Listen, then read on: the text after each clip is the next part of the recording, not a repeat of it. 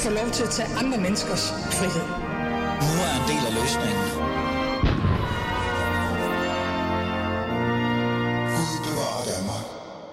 Ja, Gud bevarer Danmark. Velkommen til det nye år. Har de unge fået ondt i livet på grund af samfundets forventningspres, karakterræs og de sociale mediers nådeløse skønmalerier? Svaret har i hvert fald været ja, hvis du spørger den offentlige samtale, vi i Danmark har haft i cirka et års tid, måske endda mere. Selv vores politikere har erkendt, at vores unge mistrives. Det er jo i sig selv, altså klap for hunden da. Men er en hel generation virkelig offer for et brutalt konkurrencesamfund? Eller er ungdommen blevet for kredsen, for følelseslaget og forkælet? Og har de glemt egentlig at tage ansvar for deres eget lykke? Mit navn er Ali Amin Ali, og du lytter til Alis Fæderland.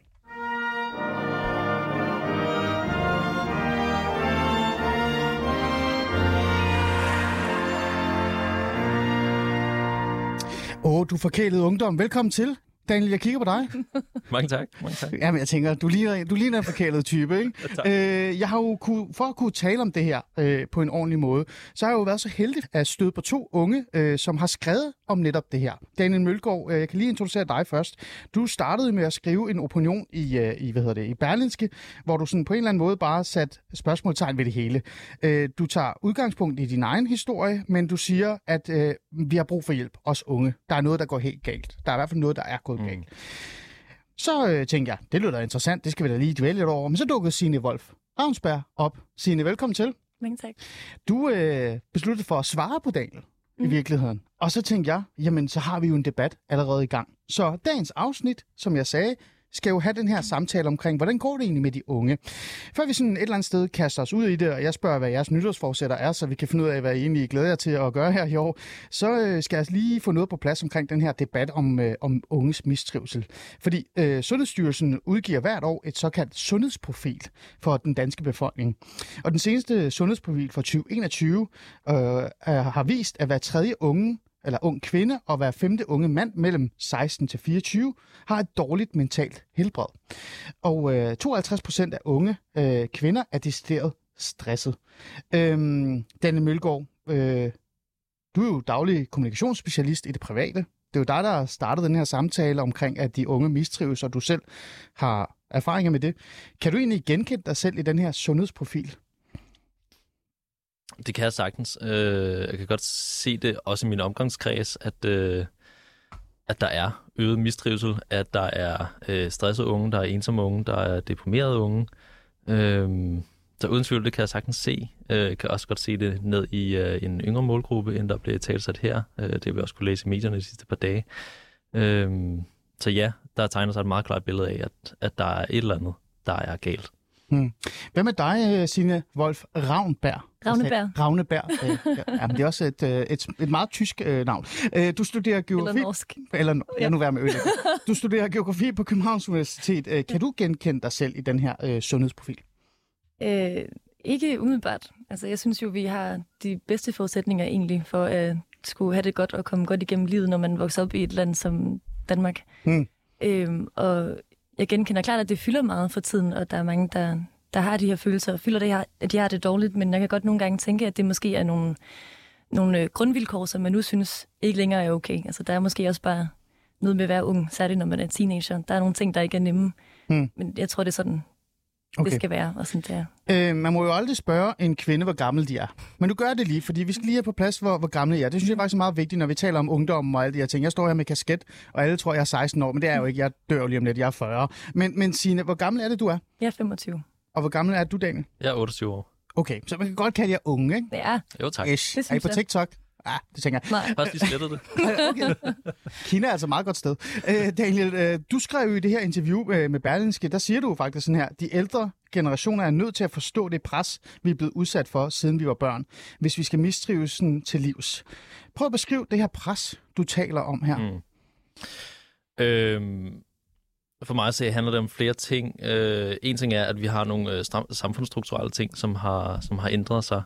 Øh, øh, det startede med dengang, øh, dengang min, eller min, min ende af ungdomsskalaen øh, blev øh, seks måneder, der blev vi sendt i institution.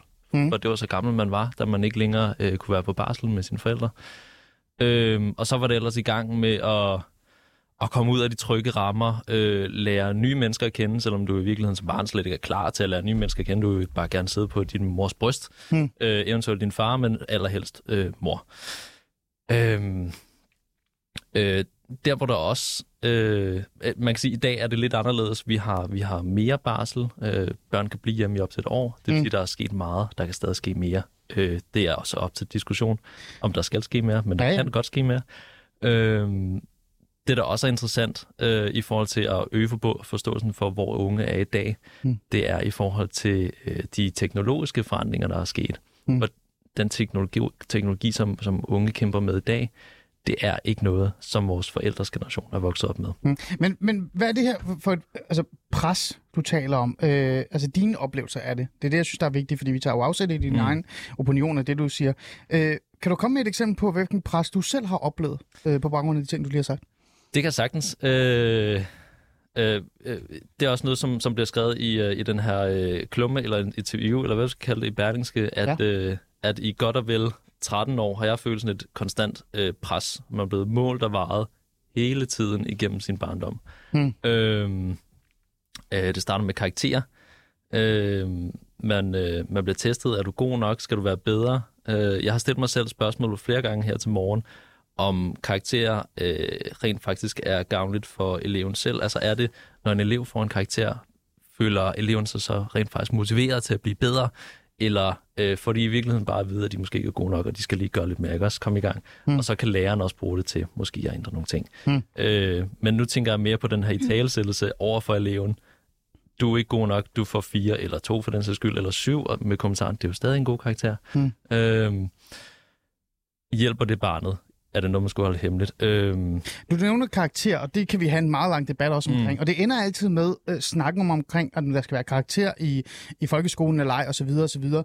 Men jeg har jo sådan en idé om, at når du snakker om, at den ældre generation er nødt til at forstå, at øh, ungdom er under pres, der er mistrivsel, øh, så handler det jo også om samfundsstrukturer, eller måden, man bliver slet igennem uddannelsesforløbet og sådan nogle ting, eller den for, de forventninger, der er til de unge. Øh, er det noget, du har oplevet? Øhm, jeg tror i høj grad, det her med forventninger til unge er en internaliseret proces. Øh, der er klart nogle forventninger til, hvor hurtigt vi skal gennemføre en, øh, en, en uddannelse. Ingen tvivl om det. Øh, det skal gerne gå hurtigt. Øh, nu med den nye regering, så skal det nogle gange gå hurtigere, i hvert fald Mm. hvis det er en uddannelse, som øh, ikke er super gavnlig for samfundet. Ja. Øhm, Det kommer vi ind på bagefter. det kommer vi ind på. Ja. Øhm, jeg tror rigtig ofte, at øh, altså, som mennesker søger vi at indgå i fællesskaber. Vi, øh, vi baserer vores, vores, vores tilværelse på, hvordan vi passer ind i flokken. Ja. Og når vi er unge, har jeg en idé om, at den proces går helt bananas. Vi begynder at sammenligne os selv endnu mere med hinanden. Hvordan passer vi ind? Er jeg anderledes end de andre? Er jeg lige så god som alle andre? Så er I under pres, og så, så bliver vi sat under pres. Og der, og der begynder måske at læse nogle ting ind i, det kan være sociale medier, det ja. kan også være, øh, hvor hurtigt vi skal igennem uddannelser. Vi læser sindssygt meget ind i det, vi fortolker, og man har på det tidspunkt ikke nødvendigvis udviklet evnen til at pege en finger udad, man Ja. peger en finger indad. Godt. Daniel, du skal svare ja eller nej på det her spørgsmål. Det er meget Mm. simpelt, så går vi over til Signe. Tror du, at øh, unge danskere er mere presset nu, end de nogensinde har været før? Men det er jo det, du lægger op til. Du siger, du lægger jo op til, at det er jo nærmest som om, at de unge i Danmark har aldrig været lige så presset. Nej, det har jeg ikke sagt. Og det har jeg faktisk øh, med vilje ikke gået ud og sagt, at vi er mere presset, for det tror jeg ikke på, at vi er. Det er mere Vi er presset på nogle andre måder. Okay, øh, vi, kommer hen, vi kommer hen på det, Daniel, bare roligt. Jeg har ikke slået for din mikrofon endnu. endnu. Mm. Ordet endnu. Øh, Tak. Signe, du læste jo interviewet med Daniel og undrer dig her. Øh, så du skrev selv et debatindlæg, hvor du stiller spørgsmålet om, hvorvidt øh, det egentlig er øh, en fuldstændig mangel på selv at tage ansvar for problemerne, som ligger altså til grund til den her mistrivsel. Ikke? Mm. Øh, hvad vil du egentlig, øh, hvad vil du egentlig med det her? Øh, altså udover bare at blande mig lidt. Ja, ja, men jeg tænker sådan, altså er det fordi, du synes, der er for meget øh, navlepilleri i? Er det for meget, altså sådan den her, øh, hvad kan vi sige, øh, offring af sig selv nærmest? I hvert fald synes jeg, der mangler, der mangler noget øh, i de interviews, og ikke kun Daniels. Der var, jo, der var jo fire interviews, som jeg på en måde reagerede på. Ja. Og der var en meget stor tendens til hele tiden at sige, at øh, nu har vi det rigtig hårdt, og de ældre forstår os ikke. Og alt, hvad der ligesom blev øh, sagt, at pointer, som gjorde det måske sværere at være ung nu end før, Hmm. og hele tiden med sådan en, og det kan de ældre ikke forstå. Eller Ja. de voksne kan ikke forstå det. Ja. Øh, og jeg, jeg tror, at øh, de ældre har ret stor forståelse for, at det kan være svært at være ung, og der måske bare er en, en mangel på forståelse, så lidt begge veje i hvert fald, hvis den, hvis den eksisterer. Mm. Prøv at høre. Som dronningen sagde i hendes nytårstale. Jamen, prøv at høre. Nu, nu begynder du at citere dronningen. Nu går det helt galt her. Det er jo et holdningsprogram, kære lytter, det ved I jo godt, så jeg er jo, jeg er jo vel borgerlig her. Ikke? Øh, men, men, men så bliver jeg nødt til at stille dig det her spørgsmål, som måske mm. er lidt provokerende. I starten, der læser jeg op, øh, øh, faktisk i virkeligheden, det her med, er ungdommen blevet for kredsen, for følelsesladet og forkælet? Tænk du, at Daniel er for følelsesladet, kredsen og forkælet, når han skriver sådan noget her? Du må Øh. kigge direkte i øjnene på ham og sige det til ham, hvis der Det, det, det tænker jeg ikke, men jeg tænker, at det er en... Øh, hvis Daniel er det, så er det noget, som hele vores generation er. Ah, Og, så Daniel er forkælet. vi, måske, vi er alle sammen forkælede. Vi er meget at Vi er, hvordan. vi er vokset op i Danmark og har bliver øh, båret igennem et system, og der hele tiden taler om, at så er det system ikke godt nok, og det er klart, at folkeskolen kunne være bedre, og der er der, mange ting kunne være bedre selvfølgelig, Mm. men man skal bare virkelig ikke blive blind over for, hvor godt det egentlig også er. Mm. Og det her med, at man øh, bliver pacet igennem systemet, og det skal gå så hurtigt, jeg ved ikke, om det egentlig skal gå så meget hurtigere nu, end det har skulle gøre øh, før i tiden. Har du aldrig følt selv, at du er blevet pacet igennem uh, det her system, at, at du, altså, Vlak-regeringen indførte jo for mm. uh, en del år siden den her idé om, at de unge skulle hurtigst muligt igennem uddannelsesforløbet. Mm. Man fjernede muligheden for at læse igen, altså om igen, hvis man nu har valgt det forkerte. Uh, føler du ikke, at du selv uh, er blevet pacet igennem det her? Altså, jeg øh, holdt fire sabbatår efter gymnasiet og sejlede rundt, og havde måske en idé om, at jeg skulle læse på et tidspunkt. Jeg var faktisk ikke helt, øh, helt sikker på det. Jeg følte lige, at jeg havde undsluppet øh, hamsterhjulet et øjeblik der, og så samlede jeg faktisk skolebænken og, og ville gerne tilbage. Mm. Så det er jo klart, altså, jeg, jeg- kan nær- nærmest ikke se, at man skulle gøre det anderledes fra en regerings side, men det er jo det, det er dyrt at skulle uddanne alle de her unge mennesker gratis og betale deres SU. Og, Mm. øh, på en måde er man nødt til at effektivisere det så meget som muligt, ellers så, så dur det jo ikke. Så jeg, jeg, synes, det, jeg synes, det er en forkælet tankegang, at synes, at det er uretfærdigt, at det skal gå lidt hurtigere, eller at man fra regeringens side synes, at det skal gå lidt hurtigere, men ikke kan være sådan en evighedsstudent. Mm. Det synes jeg jo egentlig giver meget god mening. Hvis Men jeg du må har- tilføje noget. Ja, Daniel. Jeg vil helt klart sige, altså, vi, jo, jeg ved ikke, om jeg vil bruge ordet forkælet, men vi har ædermed med mange muligheder i Danmark. Mm. Og det skal ikke, altså, og det kan også nogle gange være grunden til, at vi har det svært, det er, at vi har så mange muligheder. Der er for mange muligheder. For mange muligheder nogle, nogle gange måske. Øhm, Ja. Jeg tror også, vores, vores, forældre, vores forældres generation kunne nogle gange uddanne sig til én ting, og så endelig med at blive noget helt andet. I dag bliver vi lidt mere fastlåst i vores uddannelse og vores arbejdsmuligheder. Mm. Det er en anden snak. Øhm, Ja, fordi det er jo interessant, nu nævner jeg bare lige en lille kort indskydning her, det er jo interessant at se, at den her sociale mobilitet, som faktisk var noget, vi var stolte af, er blevet mindre mm. øh, nu, fordi vi har fået så mange muligheder. Det er jo lidt i sig selv lidt specielt. Ja. Men, men, men Daniel, jeg bliver nødt til sådan et eller andet sted at stille dig det her spørgsmål omkring det her med at være forkælet, fordi kan du godt se det her med, at vi har måske også en generation, eller flere generationer unge nu, som på en eller anden måde også har fået sådan en kravmentalitet. Altså som, som på en eller anden måde øh, føler lidt, at de er unikke, de specielle. Vi skal nok komme ind på, hvorfor de har det sådan, at de er entitled, kan man jo kalde det, entitlement-generationen. Man føler lidt, at man skal have mulighed for at blive det, man gerne vil. Man skal have lov til at nyde øh, folkeskolen, gymnasiet osv. osv. Der skal ikke være for mange krav, for ellers kan man ikke udfolde sig.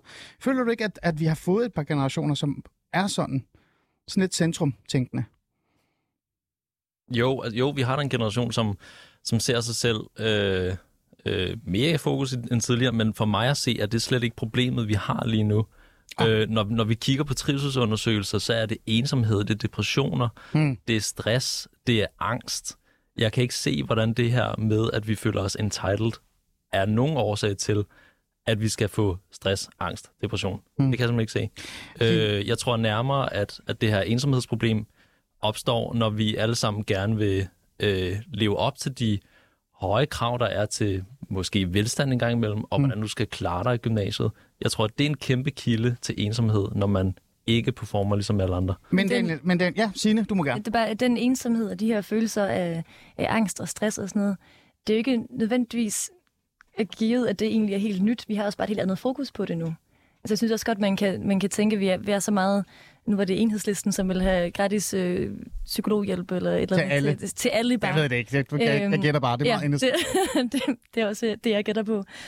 Øhm, altså, jeg, man kan godt blive lidt bange for sådan en sygeliggørelse også af nogle ting, som egentlig bare har været Hmm. naturlige. Altså, det er ikke skide nemt at være teenager, og det er også svært at være ung og have alle de her valg. Den genkender jeg virkelig også fra mig selv, at man kan blive helt overvældet af, og, og man netop får den her ting at vide Hmm. fra ens øh, måske fra de voksne eller ens forældre, at man kan blive lige hvad man vil. Mm. Og det er meget utaknemmeligt på en eller anden måde at få at vide, fordi det kan man reelt set ikke, og der er nogle, der er nogle grænser for det. Mm. Så hvis der er et eller andet, som de ældre ikke øh, forstår ved generationen, det var det, som var på en måde var, var det, der blev sagt i de her interviews, at de ældre ikke forstår, hvor svært vi har det. Så synes jeg måske mere, at den, der har måske mere været for meget forståelse nærmest fra, fra nogle af de voksne, hvis man skulle sige noget. Altså en, sådan en udpræget, virkelig pakket ind, og hele verden ligger for jeres fødder, og I kan, Hmm. I kan alle de her ting. Hmm. Øh, sådan så i hvert fald nogen ikke bliver klædt på til alle de knups, man også skal have. Hmm. Men jeg forstår bare ikke Daniel? rigtigt, hvordan det ikke...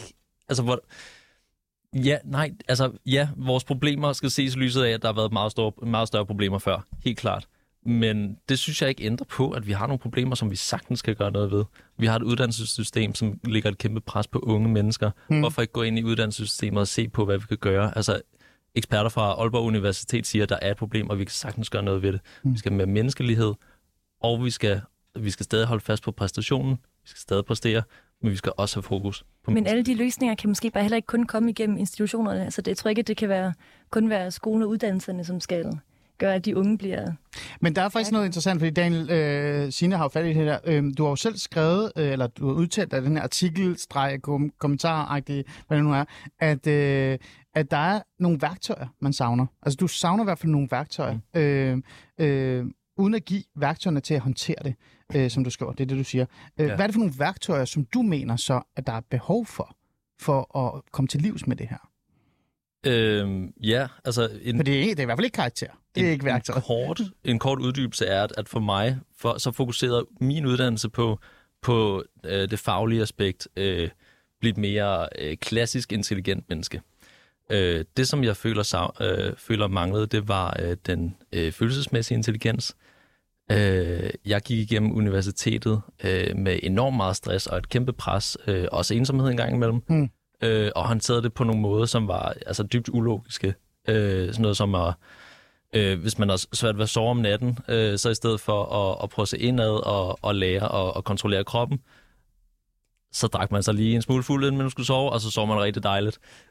og så vågner man næste dag og havde fået i hvert fald 6 timer søvn, ikke også? Øh, måske en gang imellem mindre. Ja, Øhm. det, men, men lad mig lige prøve at stille dig det her øh, simple spørgsmål, og hjælp mig virkelig gerne, fordi øh, øh, jeg har en 3 og en 6-årig. De er forfærdelige. Lad være med at få børn, for jeg er sikker på, at I gerne vil have børn. Jeg har en tre år, jeg kender fuldstændig til se, det. præcis. Jo mere man, og jeg er temmelig borgerlig tænkende i forhold til min opdragelse og dannelse, jo, men jo mere jeg stiller dem spørgsmål omkring, hvad vil de gerne have til middag, eller hvad vil I gerne lege, jo mere frustreret bliver de. Øh, det, er jo, det er jo oprigtigt, det, det må du kunne genkende lidt. I starten er de glade, ikke? så vil de have is hver dag og sådan nogle videre. Ikke? Men når jeg så sjette gang har spurgt øh, min søn Alexander, hvad vil du have til aftensmad, så siger han, far, det ved jeg ikke. ikke? Og han er seks år, ikke? Og så tænker jeg, se, der har det jo. Tror du ikke, at vi måske i et par generationer og vores tilgang til unge, også selvom vi har haft den her regering, som har været meget sådan fokuseret, har måske lyttet til, altså lyttet for meget til de unge, givet dem for meget frirum, givet dem for mange øh, muligheder, og på den måde et eller andet sted gjort dem forvirret. Og derfor så føler de angst. Det er derfor, de føler stress. Det er derfor, de ender på gymnasiet, selvom de faktisk ikke burde på mm. gymnasiet. De burde være håndværkere. Det er jo et, altså, det er jo et kæmpe stort børneopdragelsesspørgsmål. Ja, det er dejligt, i den her debat. øhm, Men det er jo det, det handler om. Altså, fordi hvis vi virkelig skal kigge tilbage på mistrivsel blandt ja. unge, så bliver vi også nødt til at se, hvor kommer den her mistrivsel fra? Det kan jo ikke kun være samfundet. Det, kan, det må jo også være noget dannelse. Det må også være noget Præcis. opvækst. Signe. Ja. Hvad, hvad, hvad tænker du omkring det? Du må godt lige tænke lidt over Ja, Signe. nej, Du må nej, godt jeg lige... vil sige, altså min egen børneopdragelse, som, som jeg gør det med min treårige, det er så spørge ham. Øh, det er måske ikke altid at lade ham bestemme, men om ikke andet, når vi beslutter, at der er noget, der bliver serveret på middagsbordet, så får han også nogle safe choices. Hvis vi laver øh, pasta med kødsovs, og vi ved, det ikke altid, når det er lyst til kødsovs, så er der lige noget rent pasta ved siden af, så han bare kan få pasta. Og det lærer børnene at kunne se indad og føle, hvad har de lyst til, Ja. og lære deres krop at kende, i stedet for at der er nogen, der står med pisken og siger, nu spiser du det her, du skal ikke tænke for meget over det, bare spis. Men er det ikke det, børn netop har godt af? Altså at få nogle rammer og få at vide, det er det her, vi spiser i aften, og så ikke altid have den der... Altså det er på en måde lidt... Du, du siger samtidig, at der har været for mange muligheder, for sådan, det, det har været uoverskueligt, og så giver du lidt den samme videre. Jeg tror ikke, jeg har sagt, der har været... Jeg har sagt, der er mange muligheder, øh, men Mm. mm. sagt, jeg har ikke sagt, det er en dårlig ting. Jeg har sagt, Nej. det er en udfordring.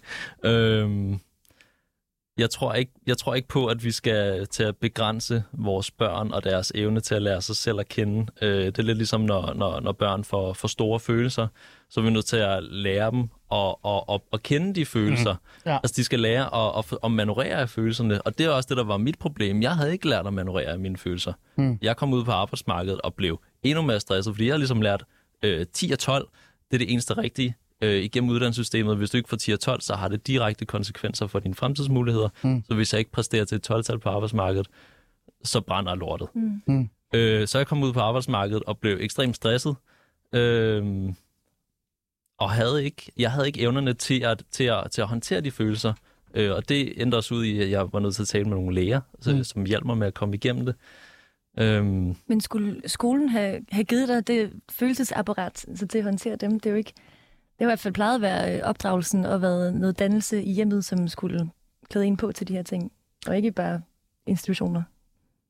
Jeg tror, vi er en gang imellem nødt til at fordele ansvaret. Øhm, fordi vi har også med det nogle familier at sådan gøre. 80-20 til folkeskolelærerne nu, og så 20 procent til forældrene, som, som så kan hygge lidt om børnene derhjemme. Ja, hvad med, de, hvad med de børn, der ikke har forældre, som, øh, som har nok indsigt til at forstå, at øh, hvad børnene gennemgår i deres folkeskole? Børn taler jo ikke om, hvad de gennemgår i folkeskolen. De har ikke evnerne til at i talesætte det, når de oplever problemer, og det er også det, vi ser.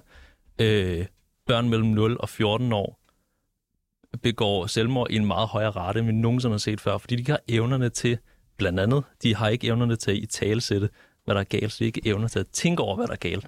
Altså, De det, kan ved vi, bare, at de ikke har lyst til at være til stede. det har du fuldstændig ret. Så vi kan altid blive bedre til at tale om ting og alle de her ting. Men jeg er bare jeg har altid været sådan lidt irriteret på den her debat. Øh, og det er det ikke derfor, jeg kigger på dig, Signe. Jeg regner med, at du bare giver mig ret. Øh, det, grund til, at jeg altid har altså, de har irriteret mig den her samtale, det er, at jeg synes, at de ting, du siger, er meget vigtige, og de, de, der er også sandhed i meget af det, du siger, og det synes jeg også, du siger, øh, Signe.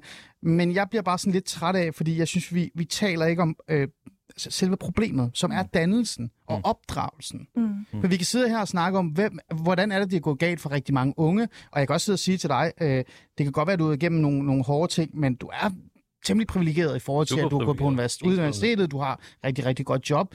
Det er ikke lige fordi, det, du har haft de store problemer ved jeg, Det er lidt frækt sagt, men Nej, det er nej. rigtigt. Øhm, så, så der er jo en snak om, hvor er, altså, hvor er basen, hvor er det, der virkelig gået galt. Og der mener jeg jo, at der er et par forældregenerationer, og der er også nogle regeringer, som har taget ansvaret Mm. fra forældrene, øh, og selv taget det. Altså, og forældrene har også givet slip. Altså, det er jo nærmest Aula. Jeg ved ikke, om du ved, hvad Aula er. Det er et forfærdeligt sted.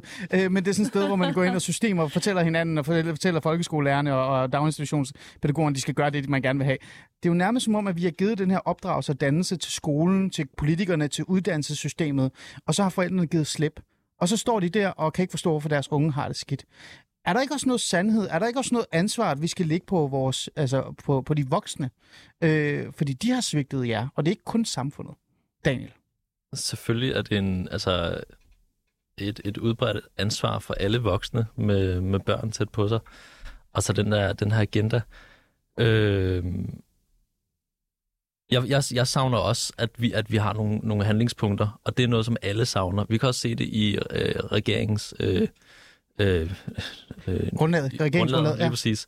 At, at de vil også, de siger, at de vil gerne gøre noget ved det, om ikke andet. Ja. Øhm, øh, vi har forskere fra øh, VIVE, øh, udgav en, øh, en, en rapport her i, øh, i december, som siger, at vi har problemer, men der er ikke nogen, der kender løsningen på problemerne. Vi, vi er nødt til at finde dem sammen, og det er også derfor, vi skal tale om det. Og jeg ved godt, at det lyder som en værre omgang brok hele tiden, men det er simpelthen for at få alle til at forstå, hvad problemet er, og så kan vi sammen finde en løsning. Det er ikke fordi, vi bare vil have alle løser det. Nu er jeg også selv blevet en voksen mand, Mm. øh, så jeg kan også selv gå ud og gøre noget ved det nu. Mm. Men der er stadig nogen, som ikke selv kan gå ud og løse problemerne. Okay.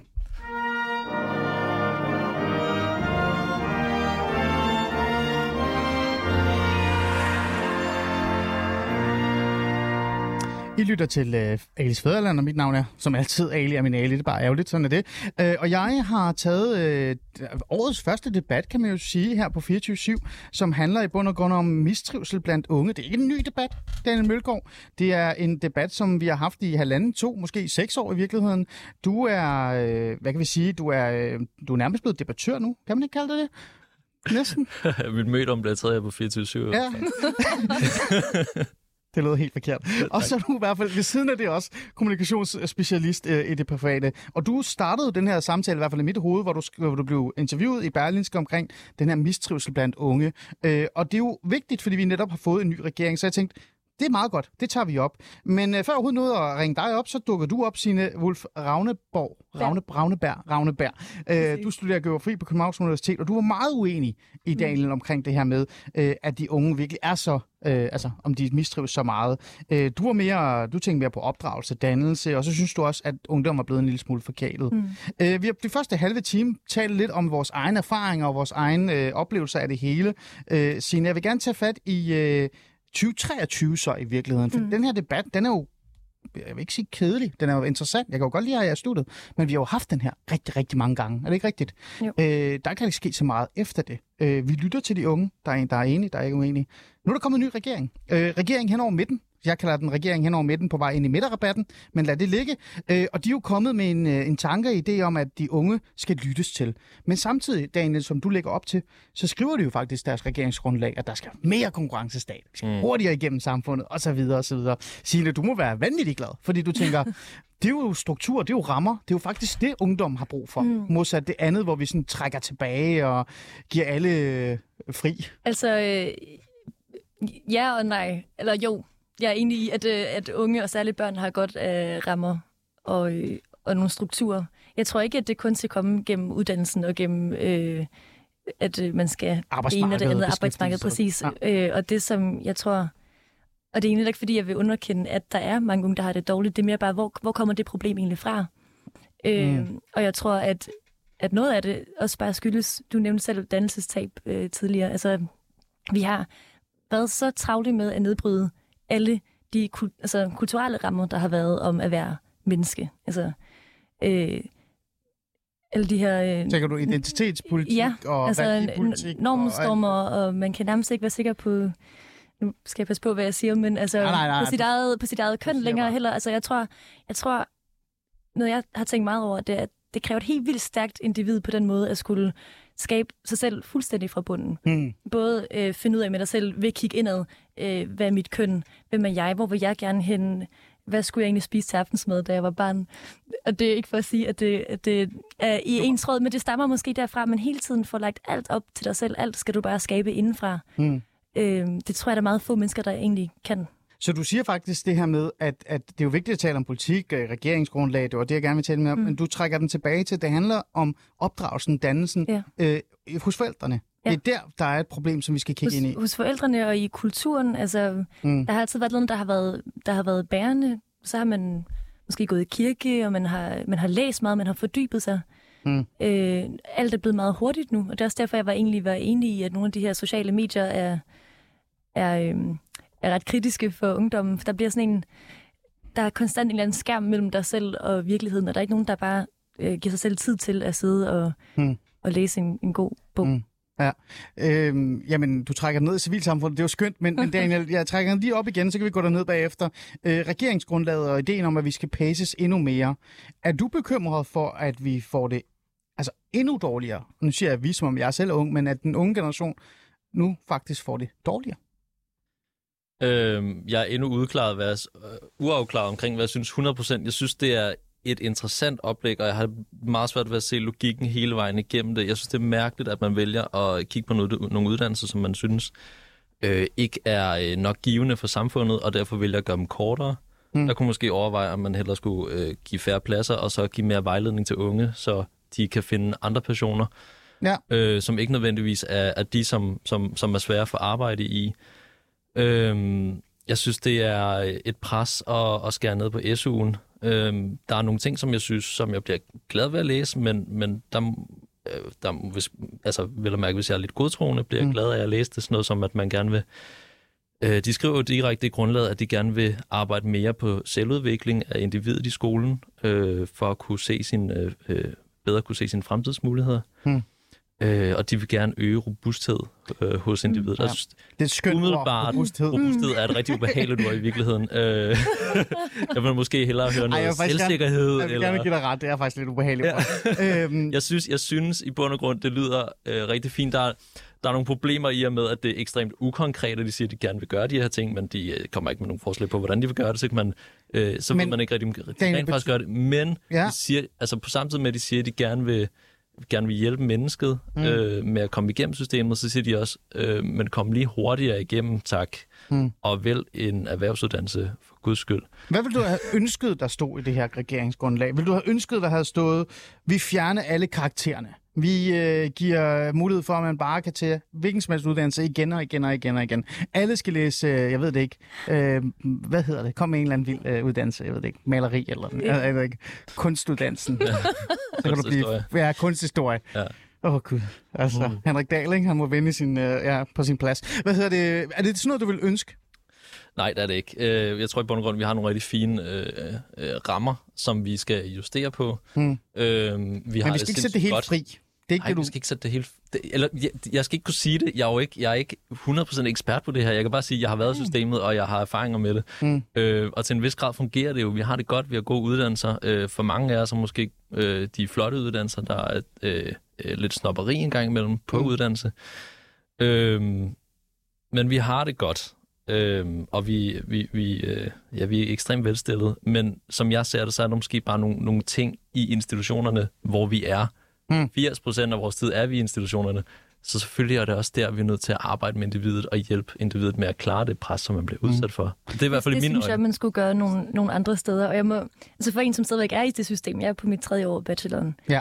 Øhm, jeg oplever nogle gange mere, og det er måske også et symptom af det her med, at der kommer for mange mennesker på universitetet, som ikke nødvendigvis skulle have været der, som skulle have været nogle andre veje i livet. Hmm. Øh, og det, det præger også undervisningen på en eller anden måde. Altså jeg synes nærmest nogle gange, at jeg har været sådan, okay, går jeg i gymnasiet, eller går jeg på universitetet? Mm. Der er sådan, der er en, det er meget pædagogisk, og vi bruger meget lang tid på at sidde og, og den studiegruppe og blande, og folk, der må endelig ikke være nogen, der føler sig overset og taler om, om folk tør øh, række hånden op til forelæsningen. Og jeg sådan, det, ej, vi bliver bare totalt pakket ind. Mm. Og, jeg, og jeg ved ikke helt, om, om vi har så godt af det egentlig. Mm. Øhm, Så du vil faktisk ønske det modsatte? ja, det lyder lidt hårdt, men, men det, det vil jeg, og jeg vil også... Ja, jeg synes ikke, det skal føles som at gå i gymnasiet, når man går på universitetet. Mm. Øhm, Ja. Og i forhold til det her med at skære ned på, på kandidaterne, nu siger jeg noget, som meget få unge har sagt. Mm. Øhm, det skal man selvfølgelig passe på med. Altså, jeg, jeg kunne egentlig godt forestille mig en model. Det skulle måske lige have været et år af kandidaten, men nu synes jeg på mit tredje år, at jeg kunne egentlig godt måske have læst min kandidat nu. Altså, så kunne man have, have skåret ned og sige, hvis du går direkte videre på kandidaten, så øhm, kunne din bachelor kun vare to år, og så bliver det fire år i alt, men man stadigvæk har den der fordybelsestid, og det ved jeg godt er, er onde ord i dine ører, ja. Daniel, at det skal gå hurtigere, endnu hurtigere. Men der er også en eller anden sådan... Altså, man, man har også mange år øh, bagefter til at arbejde med nogle spændende ting og komme rundt og, ja. og blive bedre. Men det er jo den der samtale omkring, om skal man elske det, man laver hele tiden, mm. Mm. eller reelt set skal man også måske bare gøre det, fordi mm. Mm. man har brug for at gøre det. Ikke? Øh, men jeg kan ikke lade være med at tænke på, øh, det du et eller andet sted øh, sådan under alt det her taler om, øh, allermest sine, det er jo det personlige ansvar. Ja. Altså, øh, det er det, du et eller andet sted efterspørger mere. Altså mere ansvar. Øh, man, altså, de unge skal tage mere ansvar, men de skal også give, altså, man skal give muligheden for at tage den her ansvar. Ja, fordi de, skal, de skal have fået det fra starten Ja. og være, og være klar over det. Men er det, altså, som vi snakkede om før, fordi at, øh, at Daniel, han er i hvert fald ressourcestærk. Der har jeg fundet, jeg er jo bare socialrådgiver, ikke? Med kasket, ikke? du sidder der i blazer og sådan noget, ikke? Øh, man kunne også være fræk at sige, at du er også ressourcestærk. Øh, alle unge, de er jo ikke nødvendigvis lige så ressourcestærke som jer. Nej, men det skal man Jeg også har dem i hvert fald. huske, synes jeg, i den her debat handler det meget om sådan, det er sådan en bred trivsel for, for mange af dem, som også kommer fra gode familier. Og selvfølgelig er der unge, som, hvor, man ikke, hvor det ikke giver mening bare at køre Liberal Alliances øh, valgkampagne af på dem og sige, du kan godt selv. Ja. Jeg synes egentlig, det var en meget god øh, kampagne, men, men det er jo klart, det ikke Så har hun sagt, hvad hun synes. det er ikke, øh, det er ikke alle, det, det henvender sig til. Det er selvfølgelig ja. dem, som har den mulighed. Ja. Og det tror jeg bare, at flere af os har. Det er bare ikke os alle sammen, der formår at realisere det og tage det på os. Men hvad, hvad, hvad med de andre? Altså dem, som øh, det nødvendigvis ikke Mm. har de her ressourcer. Øhm, hvad tænker du om dem? Jamen, altså, det er jo netop dem, som vi skal passe på, at vi ikke kommer til at tage fokus fra, når alle os, der kommer for de her Ah. øh, lidt bedre kår, de, vi går rundt og klager over, at vi er lidt angst, og det er også lidt hårdt, at vi skal få det der 12-tal, og sådan. I virkeligheden, så er det jo også lidt et luksusproblem. Mm. Og jeg synes, at karakter, i øvrigt, for at vende tilbage til den, var en, en god motivationsfaktor gennem mm. skolen og gymnasiet, af, af sådan stræbe mod noget. Det tror jeg egentlig er meget sundt. Daniel, det sætter jo en anden samtale i gang, som jeg synes er fint nok, at vi, vi tager uh, hul i nu. Uh, som jeg sagde før, uh, der, jeg synes jo, det er vigtigt. Det, altså, jeg synes, det er interessant og vigtigt at tale om den generelle mistrivsel. Det er derfor, jeg har dig i studiet. Det er derfor, jeg har inviteret mm. jer ind. Og jeg har også skrevet om det og, og snakket tit om det. Uh, men dem, som altså, bliver brændt allermest af, det er jo de mest udsatte unge. Uh, fjerner vi ikke fokus og, altså, i forhold til dem og de problemstillinger, de har? Fjerner vi ikke fokus i forhold til for eksempel, hvordan psykiatrien øh, altså, har det af helvedes til, øh, fordi vi hellere vil redde dig, fordi det var hårdt, og du synes, det var hårdt at gå på universitetet, fordi karakterræset var, var, var Og svært. fordi vi skal bruge penge på, at alle tror- 12 også kan komme. Jeg Ja. tror ikke, psykiatrien de uh, engagerer sig i 12 og, og nej, i mig. nej, men, øh, men, men når det- det- politikerne det gør de snakker om dem, når de er ressourcestærke, vi ved jo også alle sammen godt, de ressourcestærke er dem, der fylder i den offentlige debat. Det er dem, mor og far, øh, øh, altså, der råber allerhøjst. Når hele samtalen altid bliver trukket hen til de mindre problemer, kan man jo så sige, så forsvinder de store problemer jo. Øh, er der ikke et problem øh, i det? Øhm, jeg synes helt klart, at det er en, øh, en interessant snak at tage op. Øhm, men jeg synes også, at øhm, igen, det her med, at øh, jeg, jeg synes ikke, der er noget i vejen for at, at behandle de problemer, vi har forskellige steder. Mm. Øhm, Det kan vi Jo. gøre. selvfølgelig er det mega vigtigt, at de udsatte skal prioriteres. Øhm, de velstillede har andre muligheder. Vi har rigtig set rigtig mange velstillede, som har fået privat hjælp øh, hos psykologer. Ja. Det er jo super fint. Øh, der er faktisk også mange, som ikke er super velstillede, som har fået det alligevel, som har solgt huset hjem for at få mulighed for det. Øh, det er en helt anden snak. Øh, men selvfølgelig skal vi, skal vi ikke negligere nogen. Det er da vildt vigtigt, at vi husker alle hele tiden. Og os, der er super privilegeret, jeg ved godt, jeg er mega privilegeret. Selvfølgelig skal vi ikke tage rampelyset. Og det føler jeg heller ikke, at vi prøver på. Mm. Øh, vi, vi, sæt, vi sætter bare en snak i gang omkring noget, som... Eller vi fortsætter en snak omkring noget, som er, er vigtigt at tale om og finde en løsning på. Mm. Fordi alle ved, det er et problem, men ingen har en løsning. Selv dem, der prøver at finde løsningerne, Mm. har ikke løsningerne. Ja. Øh, Signe, øh, jeg er jo selv, øh, som jeg sagde, jeg er jo socialrådgiver. Jeg arbejder med de mest udsatte unge overhovedet. Mm. Øh, øh, på, altså dem, der gerne vil tæt på arbejdsmarkedet, men også bare uddannelse. Øh, og jeg fandt hurtigt ud af, at hvis man var hård og kynisk, Daniel, over for dem og sagde, det kan godt være, at din mor og far gerne vil gå på, have, at du skal gå på gymnasiet, men der kommer du aldrig til at være. Du bliver håndværker, max. Det kan være, at du faktisk bare skal være maler, ikke? Øh, så gav, gav dem noget tryghed. Det gav mm. dem noget, noget, det var hårdt, det var barsk, men man placerede dem et sted. Mm. Vil du ønske, at øh, hvis man skabte et samfund, hvor man faktisk, øh, lidt provokerende, øh, placerede de unge der, hvor de skulle være, ligegyldigt om, hvor hårdt det var, så vil den her trivsel måske øh, forsvinde lidt? Og det var et skarpt lavet... øh, Spørg bare. Fordi altså, du lægger jo meget op til individets ansvar, du lægger meget Ja. op til det her med, at, at vi reelt set skal øh, Ja. formindske chancer og muligheder, ikke? Jo, altså... Øhm, I hvert fald skal man passe på med at sige til dem, at de, at de kan hvad som helst. For det er et uoverskueligt øh, ansvar at få, eller en, ikke et ansvar, en uoverskuelig ting at få at vide, hvis man egentlig måske godt ved, at ens evner ikke helt rækker til det. Og vi skal ikke alle sammen på universitetet. Øh, og jeg... Øh, jo, men det er jo selvfølgelig svært at skulle placere folk i, i kasser sådan udefra. Det skal man Ja. også øh, være forsigtig med. Men jeg tror, der, jeg tror, man er godt af at få lidt sådan real talk fra... Fik du real talk, da du var yngre af dine forældre? Eller en folkeskolelærer, eller en, et eller andet? Du sagde, Det du, at du jeg. stoppede op på et tidspunkt og tog ud og, og sidder jeg sejlede. ja. Ja. Og min, min far synes, jeg skulle læse til ingeniør. Ja. Hvad Øh, skete der der? Prøv at fortælle lidt. Jamen, øh, jeg, Var der nogen, der sagde til dig, at du skal du, nu skal du stoppe, du skal videre? nej, altså mine forældre spurgte nogle gange, om jeg egentlig havde tænkt lidt over det her med at tage en uddannelse. Men jeg tror også, at de godt vidste, at jeg havde tænkt mig at gøre det på et tidspunkt. Altså på den måde var de ikke så bekymrede. De har også altid været meget gode til øh, at sætte rammer egentlig, men også at give, give frihed til, at man selv kunne finde ud af, hvor man skulle hen. Hmm. Øhm, ja, Jeg var bare nysgerrig. Jeg var Ja. bare nysgerrig. Øhm, lad os men skoleskibet, det, burde, det kunne alle unge tage på at få det lidt bedre. Ja, prøv, at- Så der får man nogle gode rammer. jeg, prøv, og, jeg vidste ikke engang, det fandtes. Øh, Jeg vidste ikke engang, det fandtes. Jeg er egentlig flere, der er gået på, det lyder Så fantastisk. skal I sende jeres børn hen. Jeg var inviteret ind i studiet for at, at finde ud af omkring det her med, at mistrives de unge eller ej. Og jeg vil gerne bare sådan kommentere og cementere det her, for ellers så får jeg en masse skæld ud lige om lidt øh, i, på sociale medier og, og beskeder. Altså, jo, de unge har det skidt generelt. Vi har faktisk et, et par generationer unge, som faktisk mistrives. Øh, jeg vil bare sige, at det handler om dannelse og forældre, ikke? som har svigtet, men lad det ligge. Øh, men noget andet, som også presser de unge, det du, du sagde, det er jo alt det her med sociale medier og øh, samfundet, som kræver en del af dem og sådan nogle ting. Lad os prøve at tage fat i, i det. Vi hører jo meget om de her sociale mediers betydning for unges mistrivsel. Jeg er faktisk lidt uenig. Jeg er ikke 100% sikker på, at de, at de faktisk er med til at gøre noget værre. Øh, men øh, jeg tænker, det, eller nej, Signe, var det ikke Mhm. dig? Du har jo sådan en klar løsning på det her omkring sociale medier. Jeg havde i hvert fald et nytårsforsæt til de unge i min, i min kommentar i Berlingske. Må jeg høre? Øh, at, altså fordi, øh, det, det er måske første gang, vi så er uenige i dag, øh, Ali. At, øh, Nej, okay. At jeg, jeg synes virkelig, at de sociale medier er fuldstændig redselsfulde Ah. for, øh, for de unge. Og, og selvfølgelig er der en eller anden... Der, det har også i en periode været med til at skabe nogle fællesskaber, og meget kommunikation, og været tæt på dine venner og alt muligt. Men det er også bare den største selviscenesættelse, og den taler meget ind i den her idé om mennesket som en, der hele tiden skal skabe sig selv og kigge indad og finde alle løsningerne ind i. Og nu er jeg, jeg den her person, og jeg gør det her. Det er virkelig sådan, det er en stor branding, vi har gang i. Mm. Øh, og, og det, som jeg så efterspurgte, det var, at man også så, som ung, når man selv kan se det, se at det er hårdt at være på Instagram eller på TikTok, eller hvad man er på, altså, så kunne man jo også prøve at lade være.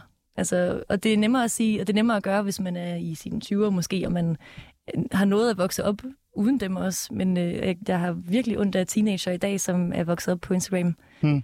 Øh, jeg synes, man skulle tage, øh, starte et sted. Man behøver ikke at slette det hele, men slette det på sin telefon. Hmm. Prøv at bruge lidt mindre tid på den, du synes, og være lidt her- mere til stede i verden. Så du synes, de her, jeg kalder dem faktisk sociale platforme, så du synes, de her sociale platforme øh, er med til at skabe den her mistrivsel hos de unge? Er det, er det, Det er jeg. der muligheder igen? Det, det handler om, øh, om sådan...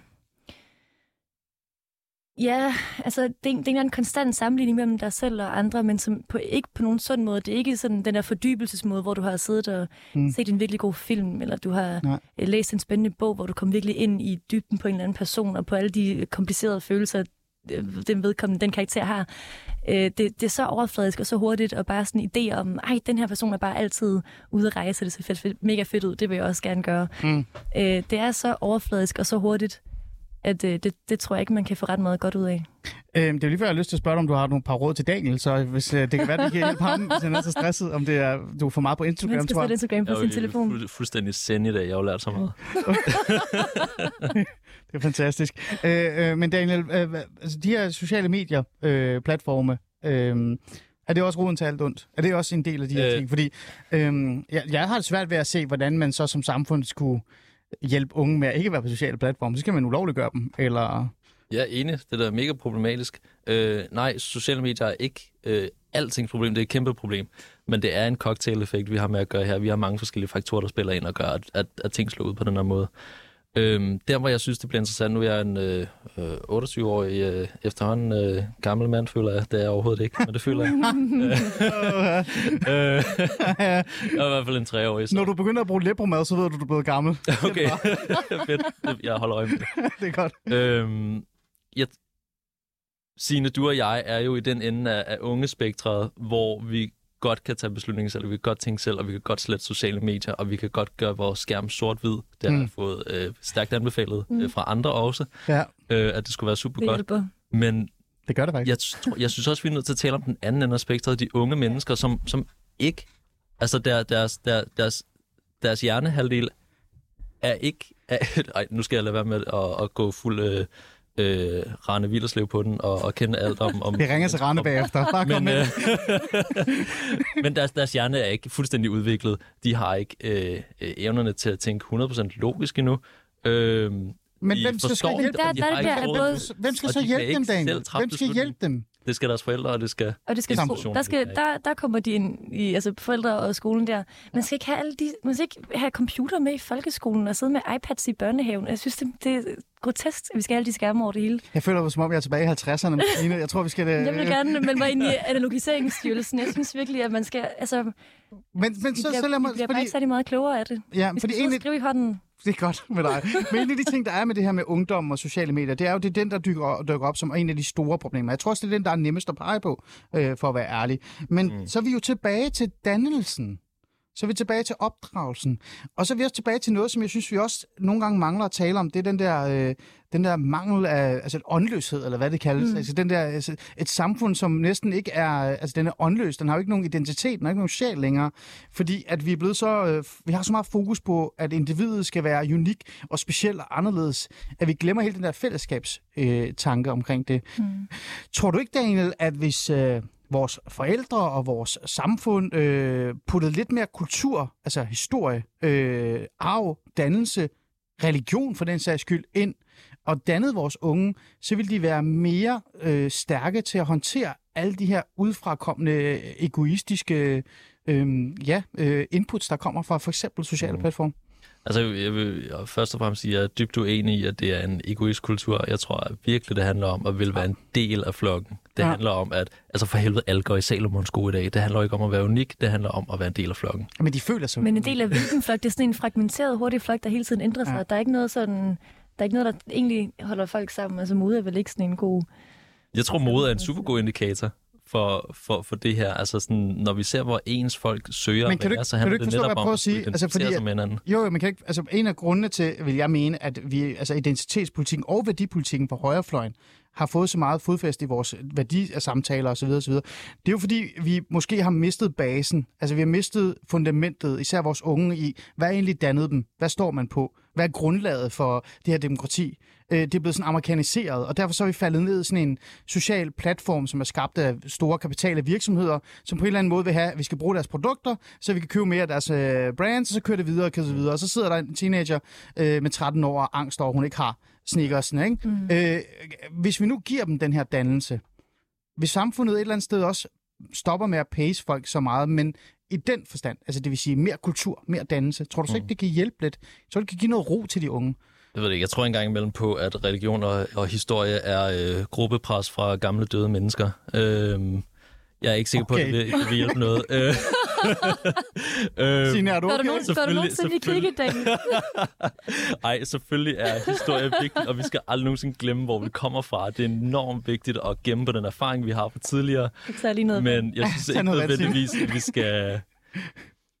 Nej. Vi skal da ikke tvinge unge, vi skal ikke tvinge traditionelle tvinge værdier ned over unge. Give dem mere. Vi skal lære dem og, og, ja. og lære sig selv at kende og finde ud af, hvad der er vigtigt for dem, og hvilken retning de gerne vil gå i. Vi skal mm. lære dem selv at finde ud af, jeg er virkelig god til at bruge mine hænder. Jeg skal ikke tage en gymnasieuddannelse. Men det, det kan man godt gøre ud fra en eller anden ramme, hvor der har, hvor der har været nogle ting, man har fået med sig. Altså, der må godt være en arv, så man ikke altid bare skal starte fra, fra nul.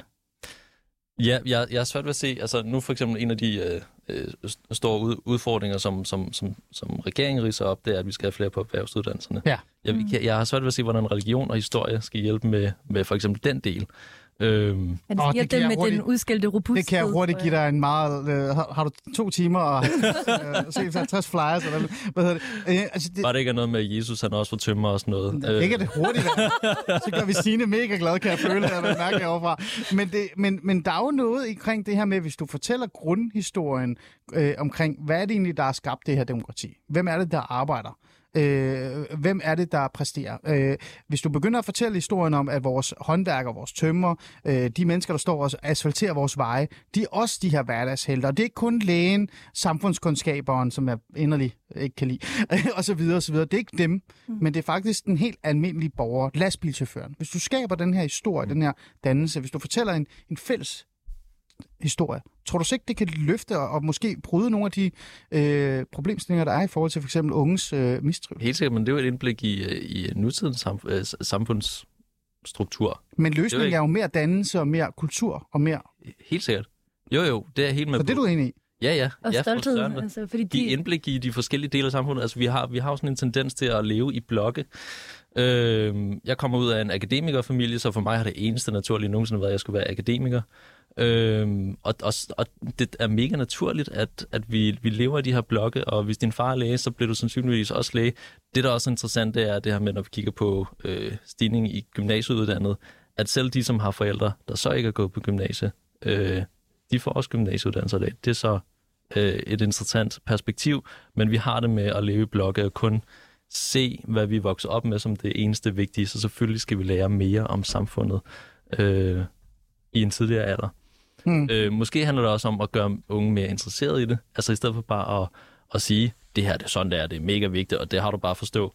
Skabe en interesse for det somehow. Og, Øh, og den kom indse, ikke at de mig. her håndværk også er en eller anden form for dannelse. Altså det har ligesom, jeg følte, at det plejede at være sådan en stolt ting. Så fik man en, en god tømmer hjem og ordnede et eller andet, og de kunne bygge flotte køkkener, eller hvad de har lavet. Ja, ja. Og nu er det godt nok nogle gange lidt en sørgelig omgang. Altså, jeg vil hellere have skal 10 have- tømmer end en statskundskaber. jeg tror, en tømmer kan blive en god statskundskaber, øh, hvis han har lyst. Han gider bare ikke. Øh, men, men det er bare det der omkring dannelse og opdragelse og så videre. Jeg synes, det også var Ja. vigtigt at have med. Øh, altså, vi kunne bruge to timer, tre timer på det her. Øh, men, men til sidst så vil jeg bare gerne lige... Øh, vi prøver jo nogle gange i de her debatter eller samtaler også tænke på løsninger. Øh, vi har jo været lidt inde på, hvad du mener, Signe, Mm. kan være med øh, til at, at hjælpe den her, de, den her generation eller de næste generationer. Fuldstændig Øh. skærmfri børneopdragelse. Ja. Ja, det bliver fantastisk. øh, Det får mine børn den fornøjelse af. de glæder sig. Øh, og Daniel, du tænker mere sådan øh, løsninger til. Men så bliver jeg bare sådan lidt nysgerrig omkring... Øh, jeg er, lidt jeg er lidt i tvivl om, der kommer til at ske noget i forhold til den nye regering. Men kommer vi tre til faktisk at sidde og snakke om det her igen om et år, tror jeg? Fordi jeg føler jo lidt, at de her samtaler bliver holdt igen og igen og igen, og vi lytter til de unge, vi lytter til den vinkel og den vinkel, og der er jo en midtervinkel. Der er jo, en midter, altså der er, der er noget i midten her, vi kunne gøre, men vi gør det bare aldrig. Mm. Øh, tror jeg, at den her samtale bare bliver ved, øh, og så øh, kommer vi måske potentielt til at tabe et par generationer, enten fordi de mangler rammerne, eller også fordi de mangler frihed. den skal jo blive ved. Selvfølgelig skal den det, og det er okay, at ting bliver gentaget. Øhm, nogle gange er der måske også øh, flest voksne, der taler. Øh, vi havde en øh, kommission, der blev lagt ned af, eller hvad hedder det, som blev etableret af øh, øh, den tidligere regering fra den, fra den tidligere periode, Ja. som skulle få styr på uddannelsessystemet. Det var, øh, jeg kan groft sagt sige, at der var taget billeder af alle den her kommission, og de havde alle sammen grå hår på hovedet. Der var ikke et eneste ungt menneske. Ja. Øhm, så vi skal blive ved med at tale om det, men vi skal også inddrage flere af dem, som det handler om. Jeg får ikke lyst til at spørge dig, Signe. Du nok have flere grå personer ind i det, eller, eller hvad? Jeg synes, Hvad det er fint med nogle, med nogle unge talspersoner, så længe at de kan se lidt ud over deres egen generation. Så altså, Og så vil du gerne have mere dannelse ind? Så du, det, fordi jeg har sådan en idé om, at det er det, du tænker er ja. Ja. nøglen løsning. dannelse og fordybelsen, og altså, der, der er sådan helt også bare ens evne til at være et empatisk, reflekteret menneske, som jeg tror kræver, at man har tid til at fordybe sig, og kræver, at man er til stede i en eller anden analog verden. Altså ikke, at det hele skal være skærmenes skyld, men Mm. mm. der er en eller anden sådan hurtighed og en overfladiskhed, som jeg tror faktisk udspringer rigtig meget Mm. af det, samtidig med, at vi er gået væk fra nogle, Mm. mm. nogle kulturelle rammer, som har været om menneskelivet før, og som vi virkelig har travlt med at fjerne Mm. nu. Jeg snakkede om det her med øh, øh, fællesskab og øh, individualisme, den der egocentrerede mm. tilgang. Det, det er jo min øh, analyse af det. Øh, jeg vil jo ønske, øh, at vi kunne have mere fokus på fællesskabsfølelsen blandt de unge. Jeg har jo sådan en idé om, at altså jeg har Ja, så prøv at høre. De unge, øh, ungdom har altid været rebelsk, og altid været sådan meget klasseorienteret eller gruppeorienteret. Sådan har de jo altid været. Men jeg føler lidt, at ideen og tanken omkring at tale fællesskabet op, øh, at, at være stolt over at være en del af det store fællesskab, det har man helt glemt blandt de unge. Daniel, tror du, det også kan være med til at give noget, øh, bare en lille smule robusthed, apropos ordet, øh, til, til den nye generation, eller næste generation, hvis vi prøver at tage lidt mere fællesskabsfølelse ind i det her til sidst? Ja, øh, helt enig. Ja, øh, mere fællesskab, mere snakken sammen, øh, mere åbenhed omkring, hvordan man har det. Øh, vi skal ikke gå alene, øh, enten, hverken med vores øh, dårlige karakterer, når vi har det dårligt over dem, Mm. mm. eller når vi har følelser, som vi har det dårligt over. Vi skal snakke om det. Fællesskab er klart en, en stor og vigtig løsning. Okay, godt. Fantastisk. Du gav mig ret til sidst. Det var det, jeg ledte efter. Daniel Mølgaard, øh, du er kommunikationsspecialist i, i det private, og så er du også øh, alt muligt andet debattør nu. Tillykke, du, er, du har vundet Ja, tak øh, for det. kasketten. Tak fordi du var med i dag. Og så Signe øh, Wolf og Wolf. Wolf. Jeg har lyst til at sige Wolf. Ja. Signe Wolf øh, Ravnebjerg. Jeg sagde det Præcis. rigtigt. Ja, helt perfekt. Tak fordi du var med. Du har studeret geografi på Københavns Universitet. Øhm, og til jer øh, lyttere, det var første time. Der er en ny time her på vej lige om lidt, men først er der lige en lille smule radionyheder, som I skal lytte til. Det er altid rigtig godt. Det kommer her lige om lidt.